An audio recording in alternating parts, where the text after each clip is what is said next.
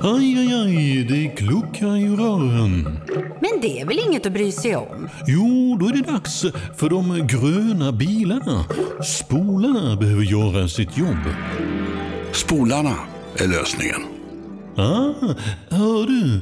Nej, just det. Det har slutat.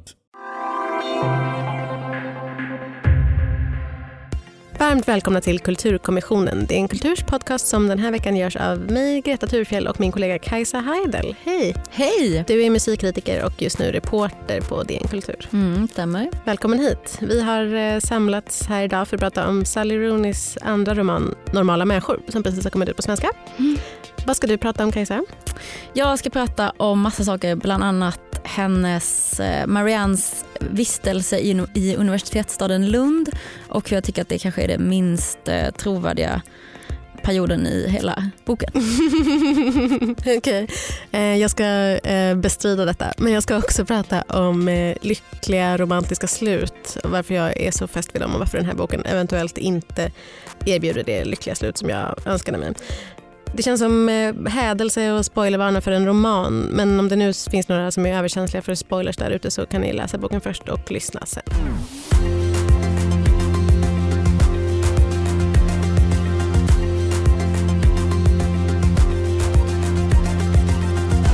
Marianne O'Connell går i samma gymnasieklass i en liten irländsk stad. Hon är överklass, udda och ensam. Han är skolans populäraste kille och hans mamma städar hemma hos Marianne. Naturligtvis inleder de en relation. Men när de båda flyttar till Dublin för att gå på universitetet förändras deras roller gång på gång. Normala människor är Sally Rooneys andra roman, utgiven på Albert Bonniers förlag i svensk översättning av Clara Lindell.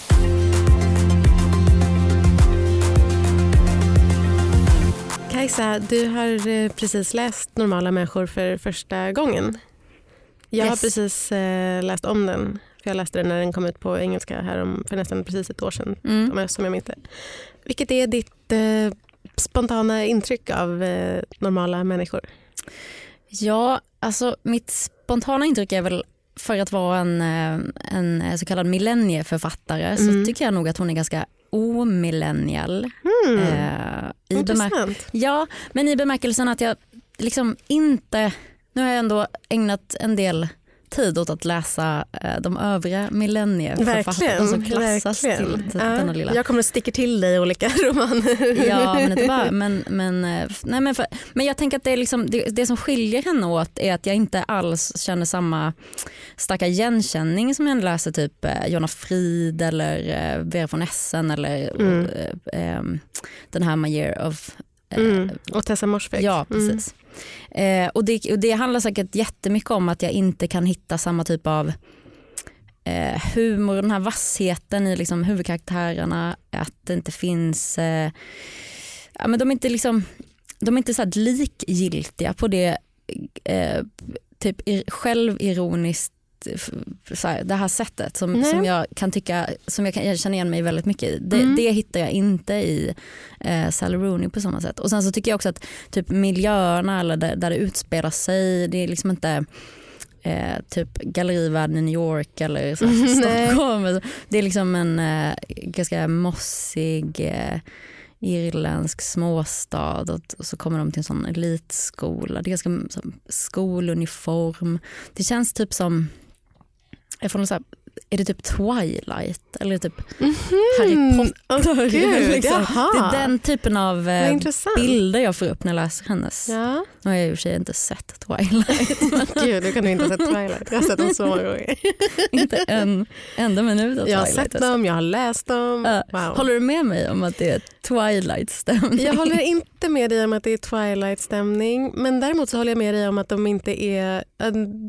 Karaktärerna, eller romanfigurerna som det heter på svenska, är inte um, alls självironiska på samma sätt. Eller de, de, när de, um, Marianne O'Connell uh, hatar sig själva så gör de inte det på ett roligt sätt. Nej, exakt. Jag tror det är det som är skillnaden. Uh, och det gör de kanske inte så mycket i hennes förra roman, Samtal med vänner, uh, heller egentligen. Hon, hon, Fast hon, där finns det en annan typ av humor och självironi. Den är ju annorlunda kanske på det sättet att den är mycket tydligare eh, än millennial bok. Eller hur? Tycker du inte det? Jo, Ja. verkligen. Verkligen. Hur, eh, hur tycker du att de skiljer sig åt, de här två romanerna? Samtal med vänner kom 2017. Ja, alltså på ett sätt tycker jag nästan, eh, alltså tycker och tycker, men jag skulle nästan hoppas typ att, att normala människor är, var hennes debut och att eh, Samtal med vänner är liksom uppföljaren för då Mhm. skulle jag kanske varit mer intresserad av hennes vidare. Alltså den, jag tänker att den är också mer komplex i att den handlar om fyra eh, huvudpersoner till skillnad från då normala människor som, som det, så det är två. Ja. kretsar runt en ganska i, mång, alltså i många bemärkelser en väldigt traditionell kärleksrelation. Verkligen. Även om det finns eh, intressanta teman det, men det handlar liksom ändå om en on, ett, liksom en on and off relation som pågår under fyra års tid. mm. Eh, där jag tycker att kanske samtal med vänner har en mer eh, vad ska man säga, samtida, ett samtida tema i att man typ diskuterar just kärleks eh, relation, typ tvåsamhet, liksom hur, hur Ja. det, det liksom löses upp tänker jag i hennes, i hennes första roman men inte lika mycket i då normala människor. Den första Hänger med? ja, jag hänger verkligen med. Den Mm. första är lite queerare Ja, på ett ja, sätt också ja. kan man säga. Absolut. Ja, det är sant. Det har du helt rätt i. Jag tyckte väldigt mycket om den första romanen när jag läste den och sen så tyckte jag när jag läste den här så tyckte jag också, första gången jag läste den tyckte jag att den var helt otrolig. Jag kommer ihåg att jag läste den på väg hem från en resa och satt och var så här, när jag stängde igen den så var jag liksom helt knockad, alltså jag var helt Mm. utslagen. Det kan Mm. ha haft att göra med att jag var ganska eh, bakis men jag, men jag var liksom helt förstörd av den. Skrev inte du en text om att du inte, hade, att du inte kunde läsa en bok igen? Eller vad var det? Jo, det var något, det jo var, precis. Eh, jag skrev när, precis när jag hade läst den bara någon sån liten grej på, på det som, som, just, som var just det där att jag stängde den och kände så här, fy fan, hur ska jag, hur ska jag överleva det här? mm, Och det måste ha varit någonting i mig då som var så himla, eh, jag var så himla liksom, eh, samstämd med, Ja. med karaktärerna eller hur de kände och deras så här, letargi. Typ. Mm. De är så de är så, mm, ja, vi, vi, vi kommer att prata mycket om de här, liksom hur deras eh, eh, sinnestillstånd är. De möts eh, första gången som vi har hört då i, eh, eller de möts, vi, vi möter dem första gången i hemma hos Marianne Ja. där Connells mamma eh, är städerska just det. och eh, Connell ska hämta henne efter skolan Mm. eller efter när hon är klar med jobbet.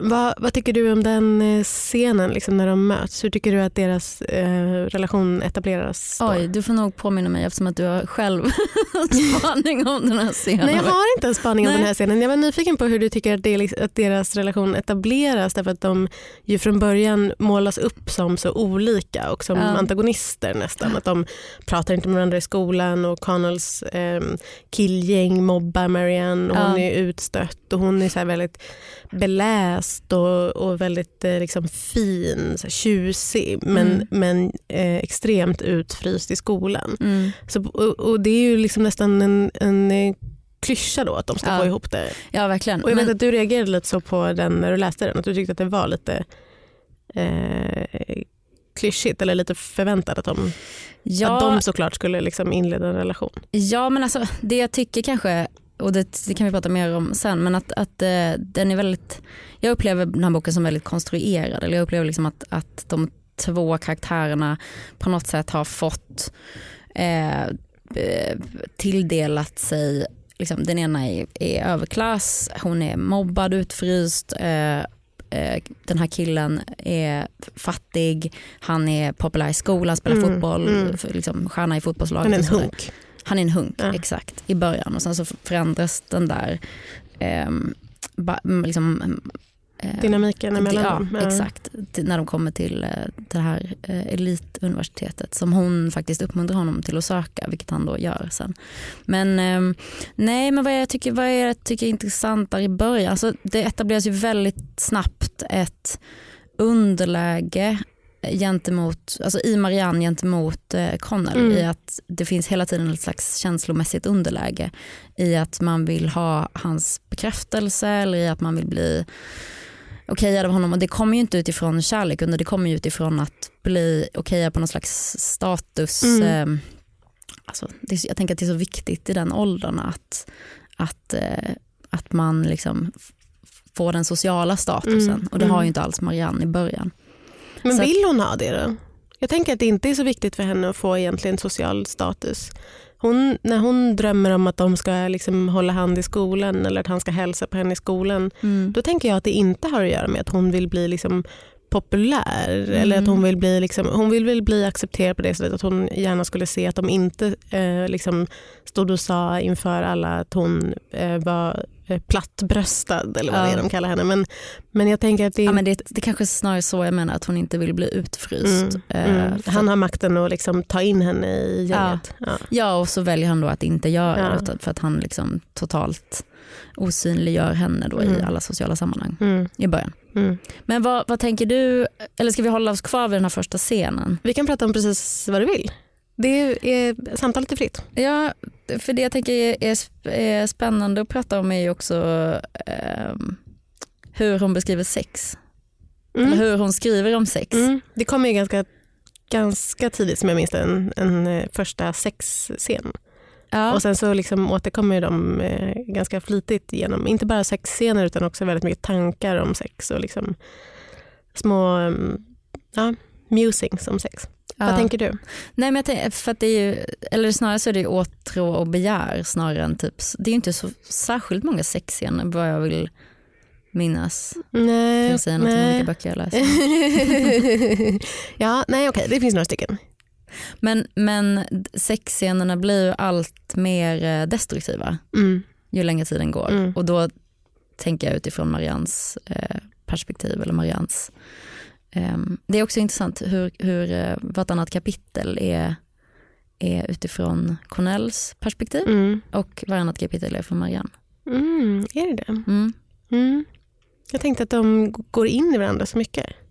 Ja, tänker Ja. att de har det ändå berättat, liksom. Mm. även om det inte är jag Mm, mm, mm. perspektiv. Mm. Så, så är det, så för då, då är det också många tillbakablickar. Så ibland kan man ju, lite som i The, The Affair, att man kan liksom se, tv-serien The Affair, att man kan se eh, en situation utifrån två... Usla tv-serien The Affair.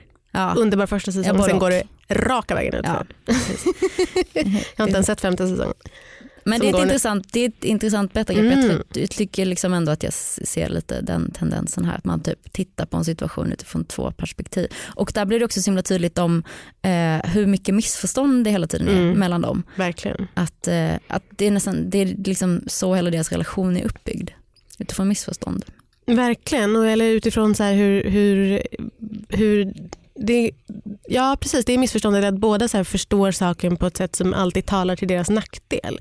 De har Mm. flera sådana samtal där eh, en gång när de är, när eh, eh, Connell inte har råd att bo kvar över sommaren i sin lägenhet när de bor i Dublin och han ska föreslå för Marianne att han ska få flytta in hos henne och få liksom tillbringa sommaren hos henne. Och så, ehm, och så, så tolkar Marianne det genast som att han eh, absolut inte vill eh, eh, liksom vara med henne längre och säger så här, eh, då kanske, eh, eller att, att han säger så här, vi, eh, då kanske du vill, han blir jättenervös och bara, du, okay, du kanske till och med vill dejta andra. Och så, så säger hon i efterhand så här, du sa att att eh, du ville dejta andra. Att de hela de är så här, tar alltid den värsta möjliga liksom, eh, eh, tolkningen av, av vad den andra säger. Mm. Verkligen. Ja, Varför gör de det? väldigt eh, relaterbart. Där har vi ju där kan jag verkligen känna att jag kan relatera. Ja, ja, ja. Du är inte beredd att liksom, eh, eh, vad ska man säga, tolka det som att någon vill dig väl? jag vet inte. Nej, okej. Eh, nej, men för det som jag tycker är så ja, nej, men jag tycker det är intressant att det är liksom eh, just det där att man får veta ofta, det är ju verkligen som det för att man så här, jaha okej det var inte alls så där eller det kan ha varit så där men det kan också verkligen ha varit på det andra sättet. Alltså, Mm. man, har Ja, ju, man tänker exakt. hela tiden att man har en ganska objektiv bild av vad som sker och sen så, så har man inte det. Verkligen. Vad tycker du om liksom, det som händer i deras relation är att de liksom gång på gång nästan får till det eller nästan kommer varandra tillräckligt nära för att våga eh, säga allting och liksom vara med varandra, ge sig hän åt varandra. Så här. Men, och så är det alltid någonting som, det är alltid något missförstånd som, som eh, kommer i vägen eller Mm. alltid någonting som är som blir fel eller någon tolkar någonting på fel sätt. Mm. Är det, är det verkligt Mm. eller är det irriterande? Är det sökt? Liksom? Åh, spännande fråga. Jag tycker nog verkligen att det är verkligt. Eh, det, det är min läsupplevelse. Den, den, där, kan- där jag tycker att det finns ganska mycket i boken som där jag kan uppleva att det är ganska konstruerat och kanske eh, mer som en kommentar på någonting än vad det faktiskt är verkligt Mm. så kan jag ändå uppleva att den här typen av att man i en relation alltid går om varandra i att man eh, båda längtar kanske efter samma sak fast det uttrycks i, i ja, vad ska jag säga, att det, det är så outtalat, det är liksom så ehm, det är ju ingen av dem som vågat tala klarspråk Mm. genom hela boken. Mm. Och det tänker jag är eh, någonting jag kan känna igen mig i. Det, liksom- det känns väldigt så här, samtida. Alla ens vänner och alla ens vänners relationer. Att det är liksom samma, samma sak, samma situation. Att man försöker närma sig varandra men man har inte typ språket eller verktygen för att göra det. Aj, aj, aj, det kluckar i rören. Men det är väl inget att bry sig om? Jo, då är det dags för de gröna bilarna. Spolarna behöver göra sitt jobb. Spolarna är lösningen. Ah, hör du? Nej, just det. Det har slutat. Ett poddtips från Podplay. I fallen jag aldrig glömmer djupdyker Hasse Aro i arbetet bakom några av Sveriges mest uppseendeväckande brottsutredningar. Går vi in med hemlig telefonavlyssning och, och då upplever vi att vi får en total förändring av hans beteende. Vad är det som händer nu? Vem är det som läcker? Och så säger han att jag är kriminell, jag har varit kriminell i hela mitt liv men att mörda ett barn, där går min gräns. Nya säsongen av Fallen jag aldrig glömmer på Podplay. En sak som eh, händer i boken är ehm, mot slutet att Marianne åker till Lund. Åker till eh, Sverige Ja, just på utbytes, eh, på utbytesår eller på utbytestid. Och den tiden tycker jag är så, eh, den är så vidrig i boken. Den är så liksom bottenfrusen. Hon är jättedeprimerad och går runt i så här en isdimma och det är fruktansvärt och hon har en så vidrig relation med en eh, kille som heter Svartklädd Lukas och är så här konstnär och har någon äcklig studio där han har så dragit in massa artsy eh, grejer för att det ska se ut som att han är konstnär. Vad är Ehm, det? Ett, typ ett cykelhjul som står lutat. Ja, precis. typ en massa travar, blommor. travar Ja. med atlaser tror jag det är. Eh, en typ man, man känner igen. Det är jättekul eh, att eh, eh, man blir så, åh Sverige, men det Men förlåt, finns- känner du igen honom? Jag tänkte precis säga att jag inte, det kanske är en ett så klassisk reaktion av typ titta på skildringar om Sverige och då är man väldigt noga typ ja, Lex eh, midsommar eller egentligen Ja, vilken ja, skildring som helst. ja. Men att man säger va? Det där kan jag inte alls känna igen mig Jag har ändå pluggat i Lund. Jag, Ja, du har kanske mer relation, men alltså, jag tänker inte på honom som en aldrig- Lunda-kille specifikt. Nej, men som men- en, som, som, du tänker honom som en svensk kille. Jag, liksom kan, jag kan ju inte föreställa mig hur det ser ut i hans ateljé. Jag kan inte föreställa mig att den ateljén råkar ligga bredvid Lunds station. För det gör den inte. Det kan jag, det kan jag säga det Greta. okej, eh, du fake, eh, fake Nej. Men du kunde tro Grej. på det. Alltså jag, jag håller med dig om att det är en, en riktigt mörk passage. Det är också en väldigt, väldigt kort passage jag trappade boken. tårarna för jag ville absolut inte säga fake news i den här podden. Eh, men nu sa jag det ändå. Nej men, men eh, alltså, så jag håller med dig verkligen om att det är en, det är en mörk passage men, men eh, det, är nog den, det är nog den passagen jag bara, vad är det här? Var är vi någonstans? Mm. Är vi i Ungern? I Sverige?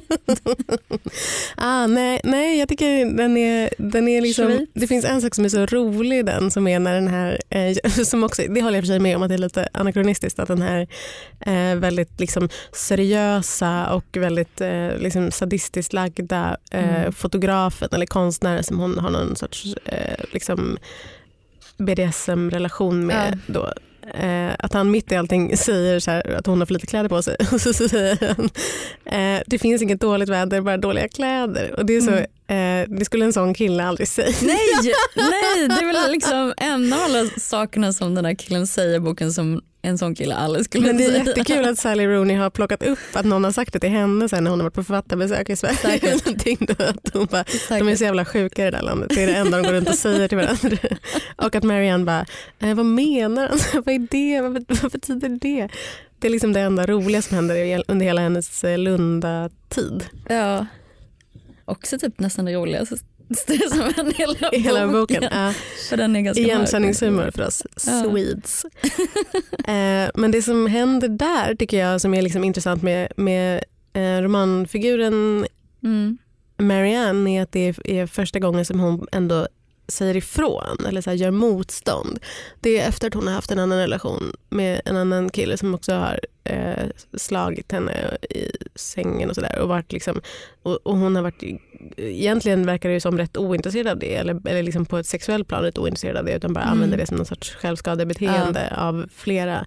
Men, men det som är det som händer där då är att hon, liksom, hon börjar så glida ner i den här, så här dimman som hon är i hela tiden eh, i stora delar av, av romanen men sen liksom bryter sig ut och säger Mm. så här, nej nu får det fan vara nog. Mm. Lämna mig i fred, eh, jag går härifrån och kommer inte tillbaka. Mm. Och du tar bort de där bilderna på mig. Jag Ja. sitter här med ögonbindel på mig. Typ. Det, det är någonting som händer och sen så... Men, Men hon gör ju det precis när han säger, han klappar henne så på kinden typ och säger jag älskar dig mm, eh, och jag vet att du älskar mig också. mm, Och det är väl just därför Mm. hon eh, bryter sig ur det. För att hon inte kan koppla ihop, eller det blir, här, det blir väl kortslutning i hennes huvud att koppla ihop det här självskadebeteendet med någon typ av liksom, syn på kärlek. Mm. Mm. Ja, precis.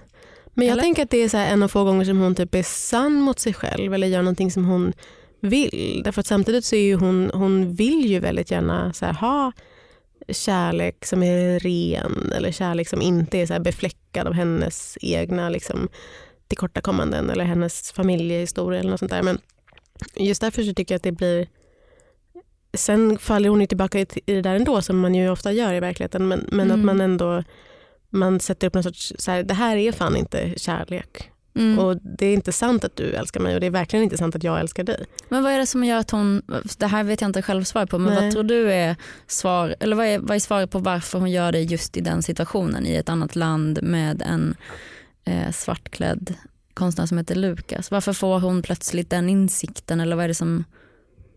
tänker bara att hon är på botten. Mm. Man får, man får intrycket av att det på är... botten så brukar jag hamna ännu längre ner på Ja, botten. men hon har ju verkligen hamnat eh, mycket längre ner på botten jättemånga gånger. Ja, det är sant. Det är sant. Eh, någon gång måste det finnas en botten. Som, är, tror- som är botten. Ja, men, för det är ju väldigt intressant. Ja. Det, jag, det där tror jag är en myt. Jag tror inte att det finns en sån tydlig insikt efter att ha varit på botten och sen på botten och sen på botten och sen på botten. Nej. Så tror jag inte man plötsligt bara mm, nu, nu, nu fick jag insikten som gör att jag sen kan klättra flera nivåer upp. Jag vet. Nej men det tror jag det gör hon inte heller. Nej, hon klättrar kanske just i den stunden en liten nivå upp och sen så faller hon ner igen. Mm. Så, att, så att jag tänker att den, om den där serien hade slutat med att hon gick ut därifrån, eh, ryckte upp sig och började äta mat igen och gjorde upp med sina föräldrar eller med sin mamma. Och liksom, Mm. då, det hade, då hade jag inte tyckt att det här var en särskilt bra roman. Men, Mm. men, eh, men det, är, ja, nej, jag tänker att det är, en- det är ändå... Fast, liksom, fast relationen med Cornell därefter blir ju väldigt mycket mer lugn och stabil upplever jag. Alltså jag upplever Mm. ändå som att det är någon typ av brytpunkt. Eller kanske, mm, jag tänker nog liksom att slutet är ganska ljust. Eller så att det är ganska, typ att hon ändå kommer till någon slags eh, ro. Eller mm, att det här självskadebeteendet inte får pågå särskilt länge därefter. Eller? Blanda ihop det lite nu kanske. Vi kan återkomma till slutet. Jag skulle Ja. vilja fråga om eh, liksom, eh, relationen mellan Marianne, Marianne och Connell är ju liksom egentligen det enda som romanen handlar om. Ja, Det finns ju väldigt lite, liksom, även när det finns försök till att liksom porträttera Mm. eh, här, status i en klass, alltså i en skolklass och, och status på ett universitet och liksom, eh, klassklyftor och liksom världen utanför eh, familjeband är ju det, liksom, det, är inte, det är inte att det inte händer och det är inte att man inte ser det hända på sidan men det är svårt att få grepp om allting som händer runt omkring dem. Allting annat är liksom i oskärpa. Verkligen. Och jag, alltså jag måste säga att jag har ju själv aldrig läst en bok tror jag, där jag har så oerhört svårt att föreställa mig hur de faktiskt ser ut. Alltså bara en sån, att det är liksom så, det är ju deras inre världar som typ gestaltas genom hela boken. Men, men ja, även om man säger att så här, ja, Marianne hon har gått ner i vikt och så. Men jag har liksom, alltså, så, här, är hon blond? Är hon mörk? All, alla den här liksom, typen av yttre attribut har jag skitsvårt att föreställa mig. Mm. Eh, på samma sätt som jag väldigt svårt föreställer mig vad de då lyssnar, och, lyssnar på, pratar om, läser. För att det hela tiden eh, det benämns som böcker man läser men det nämns aldrig titlar eller det nämns inte eh, ja, eh, ja, titlar kanske. Nej men verkligen. verkligen. Vad, vad tycker du att det liksom gör med, med romanen då att allting annat är så oskarpt i förhållande till deras relation? Deras liksom relation, bara deras inre liv. Men kan man inte säga på samma sätt att, att deras respektive familjer är oskarpa i, i att man inte får ett tydligt, liksom, eh, eller hänger det ihop också tycker du? Mm. För, att, för att jag tänker att eh, liksom, framförallt Mariannes familjesituation i att hon har en eh, mamma, hennes pappa är död va? Mm. och så har hon en elak storbror och ja, en elak mamma också för den Mm, delen. Men, mm. men där slutar den beskrivningen av hennes familj. Alltså vi får ju så otroligt lite ledtrådar varför de är elaka mot henne. Eh, så att jag upplever liksom att Vad hon har gjort för att förtjäna det. vad hon har gjort för att förtjäna det här. Ja. Ehm, men men, eh, jag, nej men vad jag tycker att det gör med den, jag, jag förstår ganska tidigt att det finns en poäng med det, Mm. annars hade det såklart inte gjort så ehm, genomgående i hela boken. Men jag tänker att ja, det, är ju, det är ju det som får mig att då uppleva det lite som ganska eh, konstruerat, lite mekaniskt, lite och, så, och så samtidigt så, så tänker jag att det också det kan ha att göra med att det finns en kommentar i att ja men eh, det är ingenting annat runt om dem som är viktigt för att det är deras relation som är det enda viktiga i livet och vad vi engagerar oss i. Båda är ju ganska politiskt Mm. och intellektuellt engagerade och eh, ja, extremt liksom bildade båda två, eller Mm. blir det under Mm. tidens gång. Så, så, så eh, det är inte det som räknas utan allt som räknas är kärlek. Är det det kanske som är... Ja, precis med budskapet. Mm. Eh, ja, precis. Jag tänkte när jag läste om den nu så, hade jag, så var det jättemycket som jag hade glömt bort. Alltså jättemycket trådar som jag hade glömt bort för Mm. att allting liksom bleknar då i jämförelse med den här um, kärlekshistorien som jag i och för sig också tyckte var mycket mer drabbande första gången jag läste den än, än andra. Jag vet inte vad det beror på. Men, men, men ehm, mm, ja, jag tror att också det här liksom med som Connells liksom skrivardrömmar, författardrömmar hade jag glömt bort. Just det här självmordet i klassen som sker mot slutet hade jag också glömt bort. Det har Eh, jag glömt bort. Ja, det har du redan glömt bort fast du läste den för liksom två veckor sedan eller någonting. Mm. Det, det, det säger någonting att liksom, även om det, det händer jättemycket andra saker, det är inte det. Men det är bara att de inte liksom fastnar. Just det. Och samma sak lite grann med, med familjehistorierna tänker jag. Connells mamma eh, Lorraine, är ju liksom, hon ska ju vara då så här, arbetarklassmamman, den ensamstående mamman som är så här, eh, liksom, hon, ja, hon städar och, och hon, eh, liksom, men hon är också så här, väldigt mycket typ en moralisk kompass för Ja. båda, eh, både för Marianne och Connell. Verkligen. Och de är Men de, de, liksom, de, de rättar sig inte alltid efter henne men, man, men som läsare så vet man att det alltid är hon som har rätt. Ja. Till skillnad då från de så här, skurkarna som är eh, Marians mamma och Marians brorsa som är bara onda. Mm. Liksom. Mm. Och som um, det kommer fram att, de, att eh, Marians pappa har liksom slagit mamman och Marians pappa har slagit Marian. Hon har haft en vidrig uppväxt som det liksom hela tiden antytts att hon har haft och som säkert ligger till grund jättemycket för hennes mående och hennes Ja. liksom, självskadebeteenden av olika slag. Mm, självkänslan är inte på topp. Men är det intressant? Om man, är, är, är deras familjehistorier intressanta? Ja, när, du ställer, när du ställer frågan på det sättet så behöver den inte vara intressant förstås. Eh, eftersom att det eh, egentligen inte är så, alltså även fast vi hela tiden, jag tänker så här, eh, i vår samtid så är vi så oerhört nyfikna om att titta på någons, alltså tänker när man dejtar så då vill man gärna prata om ens familjeförhållanden och uppväxtförhållanden så tidigt som möjligt eftersom att det säger så mycket om en person. Mm. Men- man vill förklara sig själv. Ja liksom. exakt. Ja. exakt. Eh, men jag, jag tänker att eh, samtidigt så tror jag att det är ganska nyttigt att kämpa emot den instinkten i att Mm. vilja veta så mycket som möjligt. från Kajsa Heidel. Ja. Ge hit. Varför? För att eh, det ändå kan säga 10 000 saker om en person för att det inte finns en, alltså så här, ja, för att man blev eh, Eh, för att man blev misshandlad eller för, för, att, för att man hade trauma, alltså, snarare så här, om man hade ett trauma i sin uppväxt då behöver inte det betyda att man blev en sån här och sån här. Och sån här. Men att vi har så himla, eh, tror att vi har en väldigt så stark tendens idag i att liksom dra väldigt snabba slutsatser av hur någons eh, uppväxt har sett ut. Vad tycker du om eh, slutet av romanen?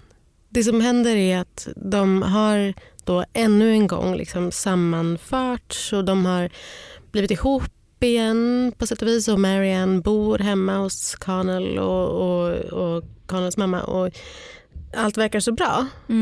Eh, och man tänker, åh gud, tack gode gud, ett lyckligt slut äntligen på den här eh, historien. Jag älskar ju lyckliga slut. Så jag blev, eh, även den här gången gick jag på det och tänkte, åh vad mysigt det kommer bli nu. Och så slutar det med att Connell har fått ett, eh, en, eh, han har blivit accepterad på en skola i New York, en skrivarskola, skrivarutbildning i New York. Mm. Och Marianne säger, åk dit. Mm. Och han säger, jag vill inte utan dig. Och hon säger, åk dit utan mig. Mm. Och det, som, det hon säger är ju att jag, jag kommer finnas kvar här. Mm. Och då kan man tolka det som att hon kommer finnas kvar där. Man kan också tolka det som att det kommer gå som alla andra tidigare gånger de har skilts åt och, och liksom inte hittat fram till varandra igen. Eller det har tagit en jävla tid för dem att hitta fram till varandra igen. Mm. Är det ett lyckligt slut? Alltså du? jag tänker skillnaden när hon säger jag kommer finnas kvar så finns det ju, jag tror till och med att det är uttalat i boken att hon, hon till skillnad från alla de här tidigare gångerna de har försökt få ihop det så inser hon ju själv att hon inte kommer vara ett, hon kommer inte förmodligen finnas kvar Mm. för att hon kommer vara i någon annan relation eller hon kommer ja.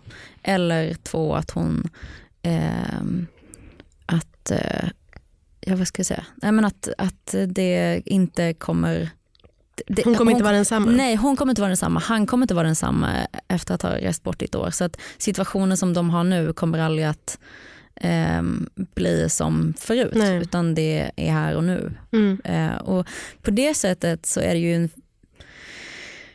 fin och eh, liksom typ inspirerande tanke om, om kärlek och eh, liksom, eh, att, att livet pågår och att allting är i förändring och att vi inte kan så här, hålla fast.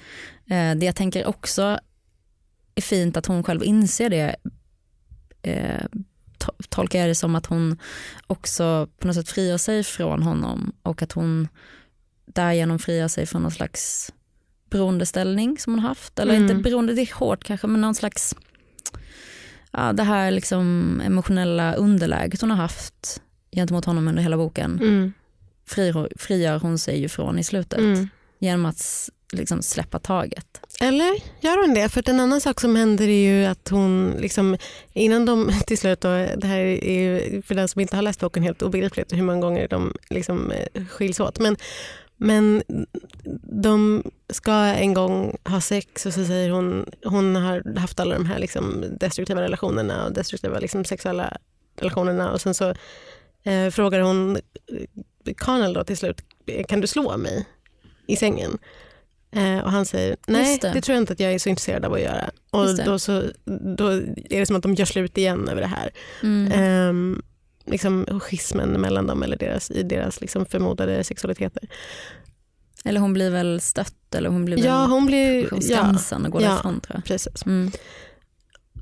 Och, och det som händer sen på slutet är att hon inser att han har liksom en makt över henne som han inte behöver. Han behöver inte slå henne för att ha den makten över Ja, henne. Eller vad man ska det. säga. Hon liksom, eh, hän, kan hänge sig ändå. Och det är Mm. ju på ett sätt fint samtidigt som jag tänker att det inte är att hon lösgör sig utan snarare att hon accepterar att hon kommer att vara i Ja. underläge gentemot honom därför att han har så en makt över henne som ju väl är kärlek, att de älskar varandra eller att hon älskar honom så mycket. Mm. Och han älskar henne på, på eh, massa sätt också. Så det är liksom någonting med att de så förlorar sig i varandra. Eller vad man ska säga. Ja, just det.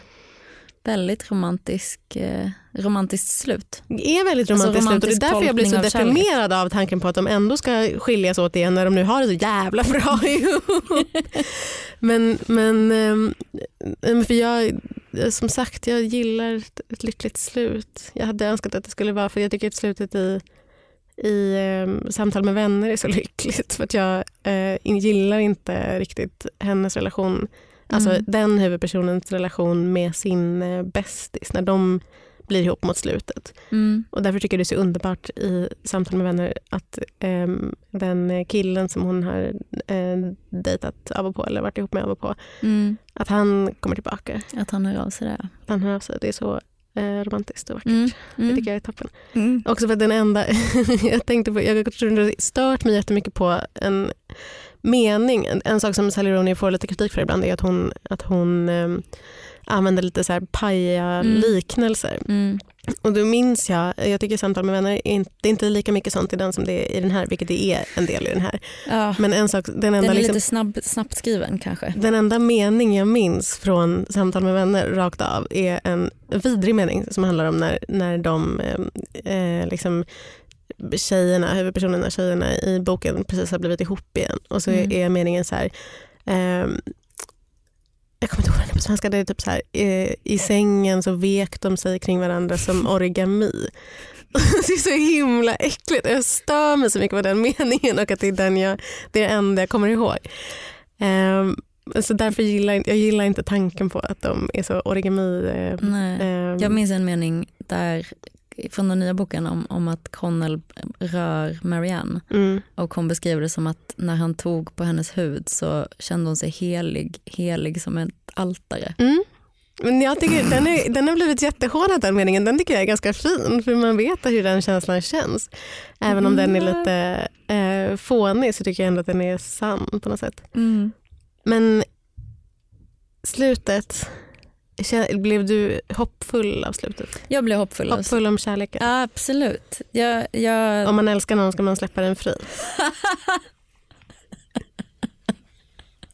det mest, de mest banala sanningarna är ju också de som är mest sanna. Med det så tackar Kulturkommissionen för sig. Den här veckan har kommissionen bestått av mig, Greta Thurfjell och min kollega Kajsa Heidel. Tack för att du kom hit. Tack. Tekniker var Oliver Bergman och podden är ett samarbete mellan Bauer Media och Dagens Nyheter. Nästa gång ska vi prata om Kanye Wests Jesus is King. Hej då! Hej då.